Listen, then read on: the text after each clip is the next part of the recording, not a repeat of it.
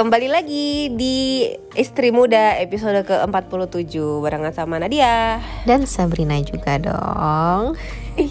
Yang udah di Bali ya bun. Iya nih mohon maaf ya. Kemarin ngilang tuh Kita kudu uh, apa ya adaptasi dulu kan dengan pindahan bawa anak kecil. Ya. Bapaknya langsung masuk uh, karantina bareng sama tim. Jadi kita semua sendiri Hmm. lagi kembali ke berduaan lagi gitu Jadi kita harus Tapi terbangnya kalian Adaptasi. ter- bertiga kan ya? Mm, mm, mm, mm. bareng cuma ketemu dua hari terus ya udah bisa lagi gitu Waduh duh.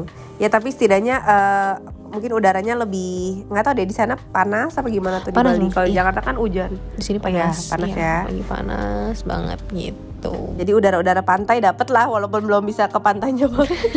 iya udah kangen banget sama Pineng sebenarnya kan kayak island life banget gitu sekarang di sini eh, pantainya udah deket cuma gue yang parno ya bukan apa-apa case lagi Iya. naik banget pusing banget deh banget. Iya kan Iya makanya sekarang hiburan aku tuh emang cuma lihat-lihat gosip di eh, apa berita-berita di Instagram. liatin komen-komen netizen kan Iya. bahkan lihat kayak yang komennya tuh kadang suka absurd absurd atau kayak tiba-tiba Iya. berantem di komen apa gitu tuh seru banget. Iya parah. Terus ada juga kamu ini gak sih follow akun ah, pokoknya ada akun gosip yang sebenarnya dia kayak si lambe-lambe itu cuma dia kayaknya lebih lebih apa ya sekarang tuh mereka jatuhnya kayak detektif gitu loh sab. Jadi kayak mereka Oh, tuh gitu? kalau iya lumayan ngeceknya tuh sampai dapet intelnya itu banyak banget. Adalah eh, kalau bahasa Indonesianya main aman gitu kayaknya kamu kan tau gak sih? Gak tau ya. Canggih ya sekarang ya? Iya jadi aku ntar aku kasih tahu lah. Nah itu tuh aku sempet kayak lihat juga kalau eh sempat ada kasus yang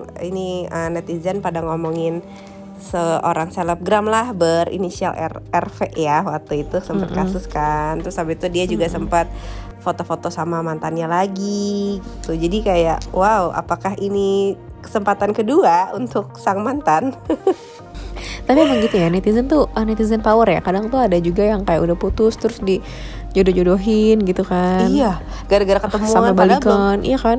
belum tentu ya kan? Padahal siapa tahu Iya. dia nawarin asuransi atau apa kan nggak nggak tahu juga. Masih ya bun lanjut ya. Ini ya sampai pandemi sekarang asuransi masih rame ya. Iya.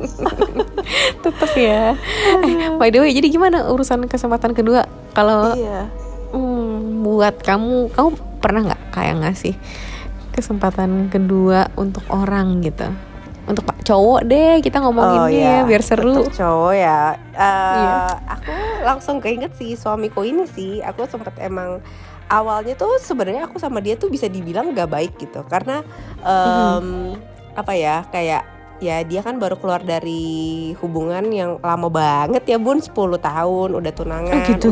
iya udah mau nikah bener-bener udah mau nikah udah pokoknya venue segala tuh udah ada. Udah Mhm. tinggal se sesimpel nyebar undangan lah. Jadi kayak emang waktu itu dia keluar dari hubungan yang 10 tahun. Terus aku Mhm. juga waktu itu eh, lagi pahit-pahitnya sama cowok. Jadi emang kita tuh bukan di kondisi yang siap untuk Yap. ketemu eh, ketemu dan jatuh cinta gitu loh. Jadi pas kita ngobrol tuh kayak sama-sama apa ya? Sama-sama ya nggak ini aja cuma ya kayak temen aja lah gitu terus akhirnya ya udah kita jalanin jalanin em, kayak masih ketemuan tapi rame-rame dan lain-lain gitu. Akhirnya kayak lumayan eksklusif jadi suka jalan berdua suka ketemuan apa segala. Nah terus kan itu kan kayak udah aku nggak tahu ya ini kan pacaran aku yang emang yang baru kedua kali tapi aku umurnya kan udah siap udah mateng nih ya kan. Jadi aku tuh kayak udah nggak ada nembak-nembakan gitu loh sab. Jadi kayak ya udah udah jalanin aja gitu. Karena dia juga sudah mendeklarasikan nih saat itu kayak e, gue nyaman nih sama lo. Tapi dia nggak ada emang belum official kayak lu mau gak jadi cewek gue? gitu. Pokoknya dia udah tapi udah Yes. ngomong kalau gue nyaman gue pengen serius bla bla bla pokoknya udah hampir kayak gitulah gitu. Jadi kan ya buat gue asumsinya itu udah pacaran gitu kan. Kita udah mau ke hubungan yang lebih serius nih gitu. Pokoknya waktu itu sampai di satu titik eh udahlah mau ngomongin nikah gitu. Tapi eh, gue juga menemukan nih kalau dia itu masih cari tahu tentang mantannya mas- masih cari tahu dalam hal kepo-kepoin Instagramnya dan lain-lain. Jadi taunya tuh gara-gara dia lagi mau kasih lihat HP-nya terus Instagram itu kan kalau search searchnya kan ada ada historinya kan? History, yes. Iya, nah historinya tuh ada akun ceweknya. Sedangkan kan aku tahu kan kalau ya, searchnya itu masih atas-atas kan berarti lu baru ngepoin gitu kan. Nah Yep. akhirnya aku langsung lihat terus aku kayak "Hmm, oh oh. Kok masih ada si mantan nih gitu. Nah kayak gue tuh masih bergumul gitu kayak nih gue tanya nggak ya? Gue baper nggak ya? Gitu. Tapi kan aku kan masih penasarannya lo kepo aja atau lo kangen nih sama dia? Nah, itu, sih ya. tuh yang Nah, takut terus, ya terus. kan gitu. Apalagi eh, udah 10 tahun nih siapa tahu masih ada rasa-rasa gimana gitu. Jadi akhirnya gue tanya kayak lo gimana nih? Kan lo katanya udah serius sama gue tapi kok lo masih penasaran sama mantan lo? Akhirnya dia menjelaskan lah kalau selama 10 tahun itu emang dia yang putusin jadi dia yang merasa bersalah lah ibaratnya. Dan dia cuma pengen kayak make sure nih cewek udah baik-baik aja kan. Gue nggak pengen dia kayak Hmm. ngerti gak sih? Kayak jadi jadi yap, yap, yap. jadi bitter gitu loh sama dia atau gimana. Pokoknya dia cuma pengen tahu lo udah move on kan? Gitu just to make sure aja katanya. Tapi ya kalau emang ini bikin lo nggak nyaman eh, gue gue cut aja sama sekali gitu. Gue nggak bakal kepoin lagi gitu. Ya gue sih so far nggak ngecek ngecek sih. Cuma gue percaya aja dan gue dengan kayak gitu kan dengan menikah gue mau berikan dia kesempatan kedua. Tapi walaupun itu nggak mudah gitu. Jadi emang banyak banget insecure insecure kecil yang gue suka apa ya kayak lontarkan ke dia gitu loh. Kayak misalnya dia yang inget-inget apa gitu. Iya gue inget kok waktu itu gue pernah ke mana gitu ke Bali ke Potato Head misalnya. Iya sama mantan lo kan gue gitu kayak suka gitu-gitu. Langsung diceplosin aja ya bun daripada disimpan-simpan kan mendingan parah. langsung aja ya. Iya, bener. kayak gitu aku yang bitter-bitter tapi masih ya udahlah gue mendingan cablak aja daripada gue diem-diem. Ntar gue meledak gitu kan. Jadi ya gue Yep. suka gitu tapi jatuhnya sih ya udah sih lewat aja gitu. Ya mungkin gak seserius kayak mungkin orang-orang lain tuh kasusnya iya gue ketahuan dia jalan sama mantannya atau apa ya ketemuan atau apa. Yep. gue sih nggak nggak sampai segitunya sih. Cuma ya menurut gue itu cukup serius ya kalau lu masih mikirin seseorang yang yang udah di masa lalu lo ya kan? Iya sih, karena banyak juga kan yang bahkan kayak misalnya udah putus terus malah sekalinya balik langsung nikah gitu kan, itu. Ya kan? Atau kayak eh, ada juga yang udah apa putus segala macam terus dikasih kesempatan kedua tapi ternyata pas udah dilanjutin ya ternyata jadi habit aja gitu ada juga. Benar-benar. makanya gue tuh agak-agak tricky gitu ya. Mungkin sebenarnya juga selalu menjadi pertanyaan gitu buat orang-orang. Kayak kalau misalnya emang ada pasangan yang ngelakuin kesalahan yang mungkin buat kita kayaknya tuh akan mengganggu gitu ke depannya haruskah gue kasih dia kesempatan kedua gitu? Karena kalau aku sendiri sih jujur aja ya aku tuh bukan tipe orang yang bisa ngasih kesempatan kedua. Oh gitu. Jadi aku emang udah saklek dari awal aku punya hubungan aku akan selalu bilang. Tapi itu bukan bukan berarti aku tuh eh, kayak gitu karena emang gue eh, anti gitu enggak. Tapi emang karena aku udah pernah juga menjalani. Jadi dulu tuh aku kan tipe orang bucin banget ya. Iya. ini kayaknya udah pada tahu juga gitu. Kan aku kalau pacaran selalu lama gitu. Terus masa-masa SMA aku tuh dihabiskan dengan satu orang itu aja. SMP ku juga gitu. Misalnya waktu SMP sama orang itu aja gitu. Terus aku tuh kayak ngerasa kecewa banget. Kayak eh, dengan background aku yang punya eh, apa ya kekhawatiran akan hal-hal akan perselingkuhan segala macam tiba-tiba tuh aku punya mantan pacar yang dia tuh eh, tipenya gimana ya tipenya tuh yang kayak main banget gitu loh sama cewek terus kayak lama-lama aku ngeliatnya deh kayak dia nggak bisa membedakan mana teman mana pasangan gitu kan Iya, iya. ya mungkin pada zamannya juga pada zaman nakal-nakalnya kali ya Iya, terus iya. kayak ah, udah aku maafin apa segala terus kayak masih aja gitu dengan Hmm. berbagai dalih alasannya yang kayak as if nothing happens aja dan menurutku Hmm. aku tuh itu sampai Ah, maksudnya sampai bener-bener emang wah udah red flag banget. Maksudnya dia kayak pergi sama cewek tanpa izin atau atau kayak gimana gitu kayak yang bener-bener kamu nggak bisa tolerirnya. Iya atau yang kayak misalnya eh, diem eh, misal perginya sama cowok-cowok sih tapi nanti misalnya ada cerita dia sama sama tuh cewek ketemu tapi kayak gimana ya tipe-tipe gini loh yang kayak gue nggak bohong tapi gue nggak cerita gitu. aduh sebel ya Nah itu itu nggak suka banget tuh kan. Nah terus aku pernah juga punya mantan yang emang eh, dia tuh kayak chatnya sama berbagai macam cewek deh banyak banget gitu dan aku kan tipe orangnya kayak emang paling males jelas-jelasan ya. Aku kayak Iya, serah iya. lo aja gitu. Terus tapi kan lama-lama kayak nggak bisa didiemin gitu. Terus kayak yang ketahuan kayak chatnya tuh ternyata kayak seintens dan sampai membuat aku merasa kayak apa Sebel. bedanya yang punya status pacar sama enggak. Nah dari situ Iya. akhirnya aku bener-bener se-strict itu kalau misalnya punya hubungan tuh ya gue nggak mau ada hal-hal kayak gitu lagi terjadi nah makanya aku tuh eh, dari situ kalau misalnya aku punya pasangan aku pasti akan bilang kayak gue tuh tipe orang yang sabar banget pasti gue tuh nggak akan kayak mm, ngomel-ngomel marah-marah jelasan gitu tuh gue bukan orang kayak gitu. Tapi gue bener-bener saklek orangnya. Kalau misalnya gue udah sekali gue Ah, bilang enggak gue kan udah ya. enggak selamanya. Udah bener-bener enggak akan mau lu nangis mau mau gue mau jadinya gue yang dihujat.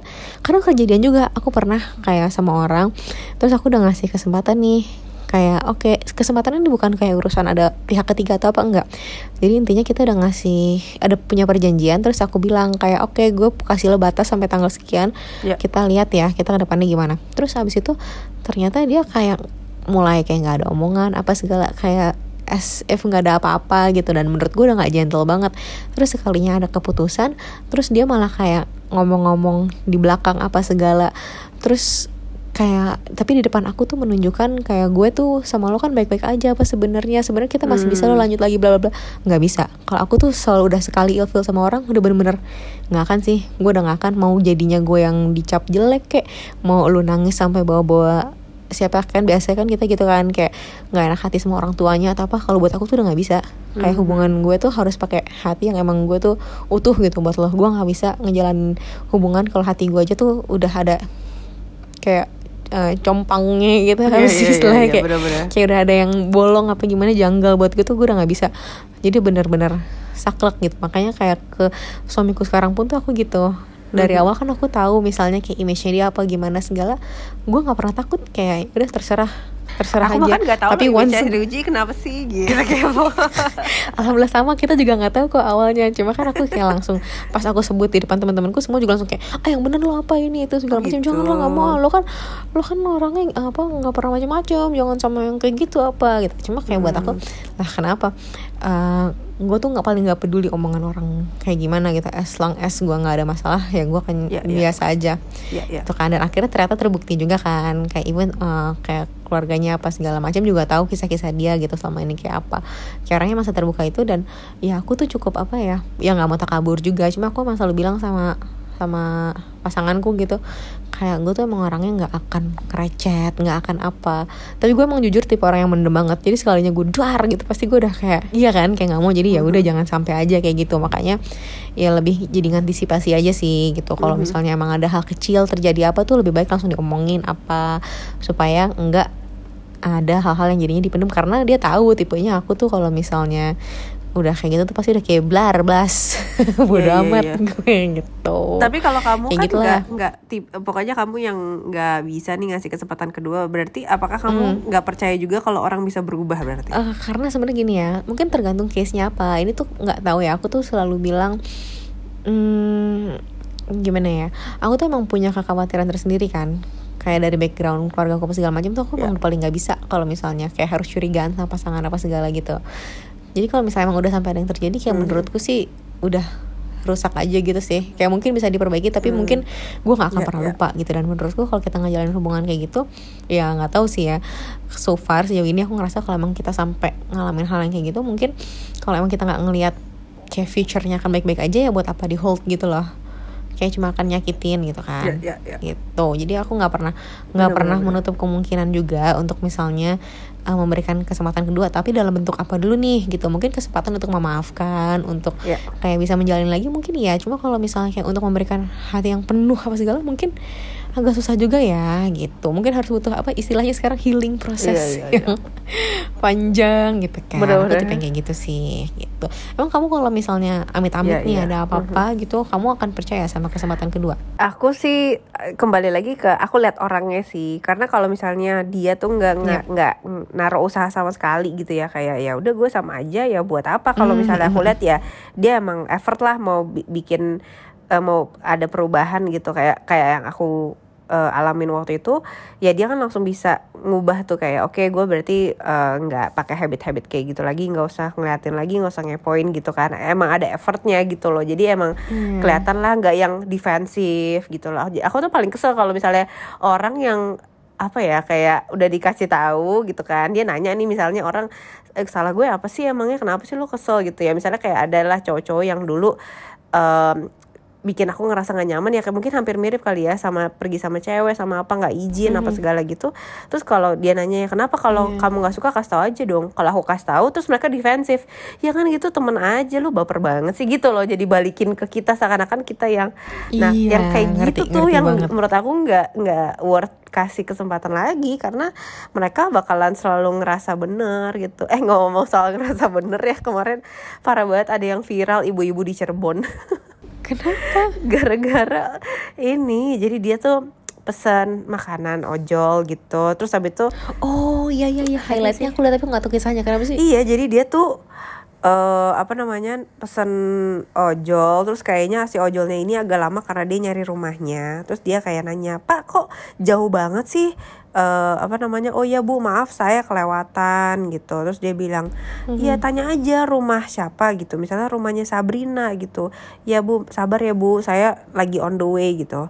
Dia kayak "Eh, makanya kalau nggak tahu tuh tanya goblok dia sempet ngomong goblok gitu. Dan itu semua caps lock ya sap ya. Dia kayak Oke. marah banget. Terus habis itu si bapaknya ini sampai ngomong ke teman-teman ojolnya terus didatengin sama sama ojolnya ini sampai pokoknya ke ke polisi atau apa deh pokoknya mereka kayak minta dia minta maaf secara publik gitulah gitu.